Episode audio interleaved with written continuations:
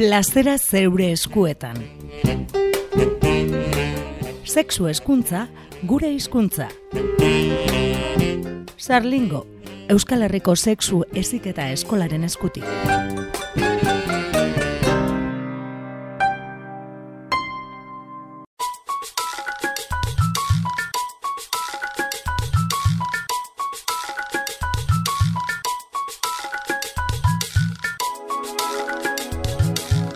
Bilbo iria irratian sexologiari atea irekitzeko asmoa dugu. Plazera zure eskuetan irratitartean. Sexu eskuntza gure hizkuntza da eta Sarlingo Euskal Herriko Sexu Eziketa Eskolako Amaia Urrejola eta Mikel Oribe izango dira gure bide lagun eta gaurkoan Amaia Urrejola batu zaigu. Haupane. Tira gaurkoan e, sexu terapiaz arituko gara, baina lehenik eta behin agian definitu beharko genuke terapia bat zer den, ez, Amaia? Bueno, gila da pertsona guztiok, ba, noizbait, e, bueno, suertatzen zaizkigula bizitzan zehar, ba, bai arazo pertsonalak, zailtasunak, e, inkluso zailtasunetara zauek ere bai harreman interpertsonaletan, edota bikote harremanetan ere bai, ezta? Eta orokorrean zailtasun edo arazo hauek konpontzea edo kudeatzea lortzen ditugu gure kabuz. Bakoitzak bere norbanako bakoitza bere baliabide pertsonalei esker. Baina batzutan behar izaten da laguntza eskatzea. Ka, laguntza ere anitza izan daiteke, ez? Batzutan jotzen dugu ba, familiaren gana, lagunen gana, lankide, bikote, baina askotan horrekin ez da nahikoa izaten, edo nahiago izaten dugu beste norbaiten gana jo magertuko pertsonen gana jotzea baino ez. Eta beste hor, norbaiten gana jotzen dugunean, ba izaten da profesional baten gana. Hau da, e, izaten da terapeuta bat, ez? Ba, edo psikoterapeuta, edo sexuterapeuta, ba, gure kasuan ari, ari garen, ez da bueno, terapia pizka bat zer den definituta, e, garrantzitsua ere izango da, definitzea e, psikoterapia eta sexuterapiaren arteko ezberdintasuna, ez? Ez dira kontu berre, bera. Bai, egia da, e, bueno, teorian desberdin du ditzazkegula, baina gero praktikan, edo intzat nire praktika klinikoan ezin ditugula desberdin du. Karo, e, azkenean psikoterapia edo psikoterapiaren oinarria, oinarritzen da batez ere psikologiaren zientzian. Aldiz, sexuterapia oinarritzen da sexologiaren zientzian. Eta, bueno, e, psikoterapiak psikologiatik e, bueno, edaten duenez, ez, iturri hortat oinarritzen denez, ba, azken finean egiten duena da norbanako edo pertsona bakoitzaren zikea ikertzen du aldiz e, sexologiak ikertzen duena da e, sexua eta sexuen arteko diferentziak. Beraz, azkenean desberdintasuna izango lintzateke, ba, psikoterapian egiten dela batez ere ziken arteko diferentzian oinarrituta, ez, ba, norbanako baitzak, bakoitzak nora eraikitzen duen bere pertsonalitatea, hortan oinarritzen da, eta aldiz sexuterapiak, ba, e, gehiago ikertzen duena da sexuen artean dauden diferentziak. Ezta? Inkluso sexu bakoitzaren barnean dauden diferentziak ere bai intersexualitatearen ondorioz. Mea, karo, e, azken finean, psikoterapiak euki du ibilbide izugarri luzea historian zehar, ezta? Eta sexuterapiak ere bai, bakoitzak euki du bere ibilbidea. Azken finean, e, ibilbide bakoitzak, hau da, sexuterapiak ere asko edan du eta asko ikasi du e, psikoterapiatik. Eta azken finean, karo, bezero bat e, terapiara tortzen zaigunean, ba, aurrean daukagun pertsona hori, e, da bakarra terrapikazina bere pertsonalitatearen ondorioz. Baina ere, ez, ez, ez, behar da dela izaki sexudun bat ez da, eta bere pertsonalitate propio eta bakarra terrepikazina duen enean ere daukala bere sexualitate propioa bakarra eta errepikazina eta hori kontutan uki bar dugula, ez da, e, pertsona batekin lan egiten dugunean terapian. Inkluso bikote batekin lan egiten dugunean ere bai.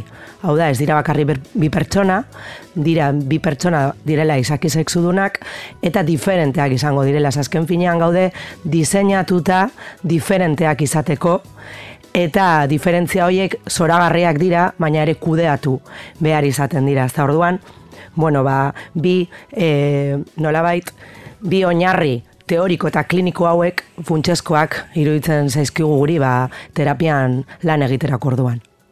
Aipatu duzu, amaia, e, psikoterapia agian ezagunagoa zaigula eta ibilbide luzea duela, baina sexuterapia e, noiz abiatzen da edo noiz jaiotzen da, ez?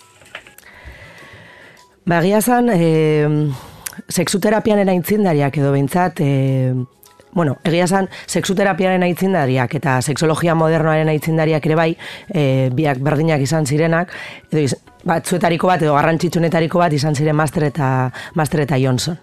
Ez Master eta Johnson izan ziren e, sexologo estatu batuarrak eta beraiek egin zituzten bi aportazio zientifiko, bi liburu zientifiko oso garrantzitsuak izan zirela la respuesta sexual humana, batez ere egin zuten makroikerketa izugarri handi bat e, estatu batuarren e, orgasmoaren fisiologiaren inguruan, ez da?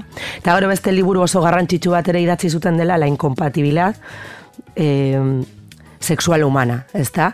Eta honen bitartez aportatu zutena izan zen, e, mai gainean jarri zituzten nola pertsonak eta bikoteak askotan baukitzen dituztela zailtasunak edo arazoak, ez, beraien sexualitatean orokorrean eta erotikan konkretuki.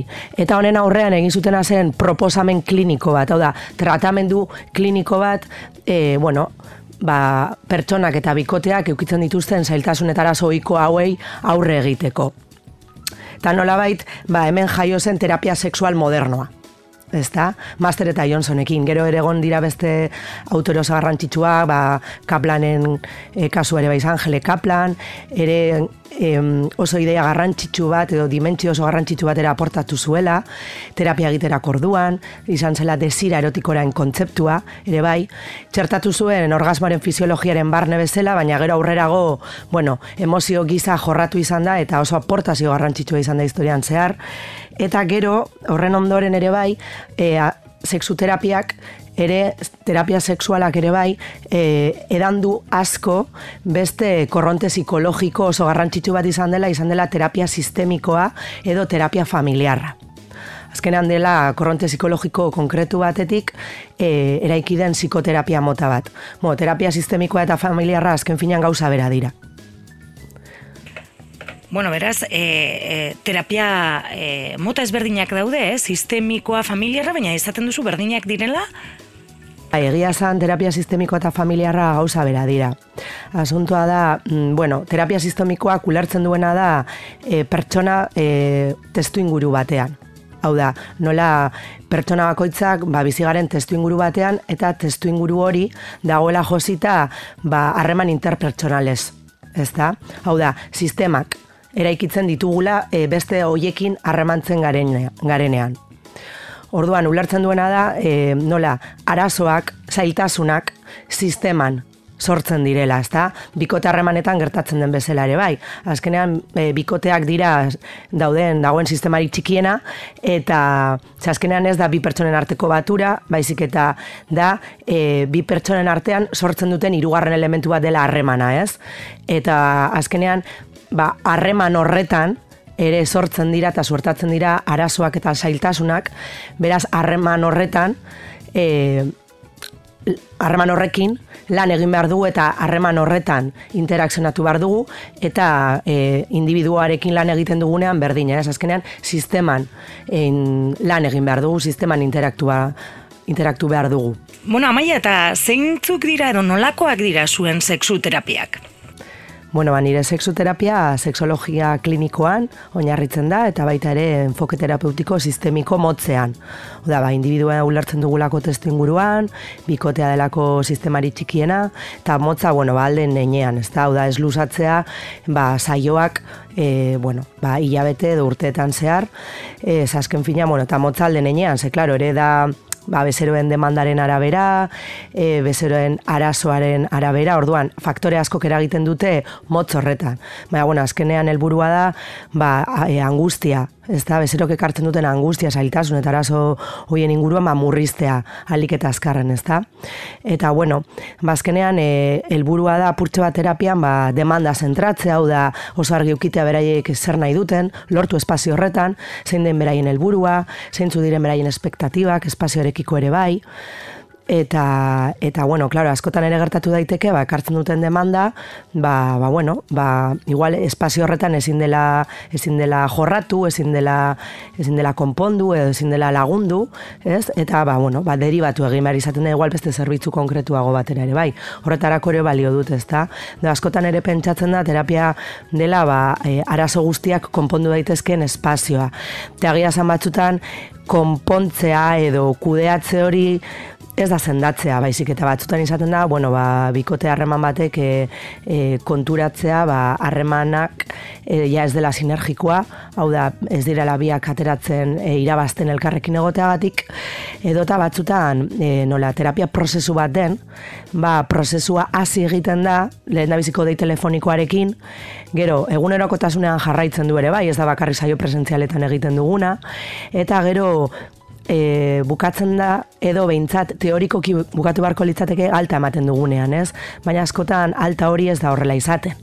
Baizik eta batzutan, bueno, ba, e, abandonatu daiteke prozesua, e, beste batzutan, bueno, ba, demanda berriak sortzen dira, beraz, enfokatu behar da e, azkenean lanketa, ez, individuo bezala edo bikote bezala beste modu batera, bueno, azkenean bukaera, ba, bukaera oso anitzak izaten dira, ez?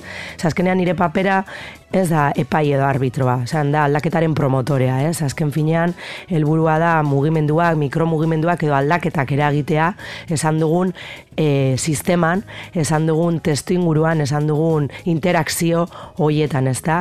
Eta, bueno, hobekuntzak azken finean ere bai. Bueno, ba, hortze, gaurkoan, e, sexu terapia eta terapia bat zertan datzan ezagutu dugu, eta nola funtzionatzen duen, bueno, izango dugu aukera, e, gai hauetan sakontzeko gehiago, astero-astero eukiko dugu eta plazera zure eskuetan irratitarte hau, zarlingoren eskutik, Euskal Herriko Sexu Eziketa Eskolaren eskutik. Amaia aurre jola mi esker?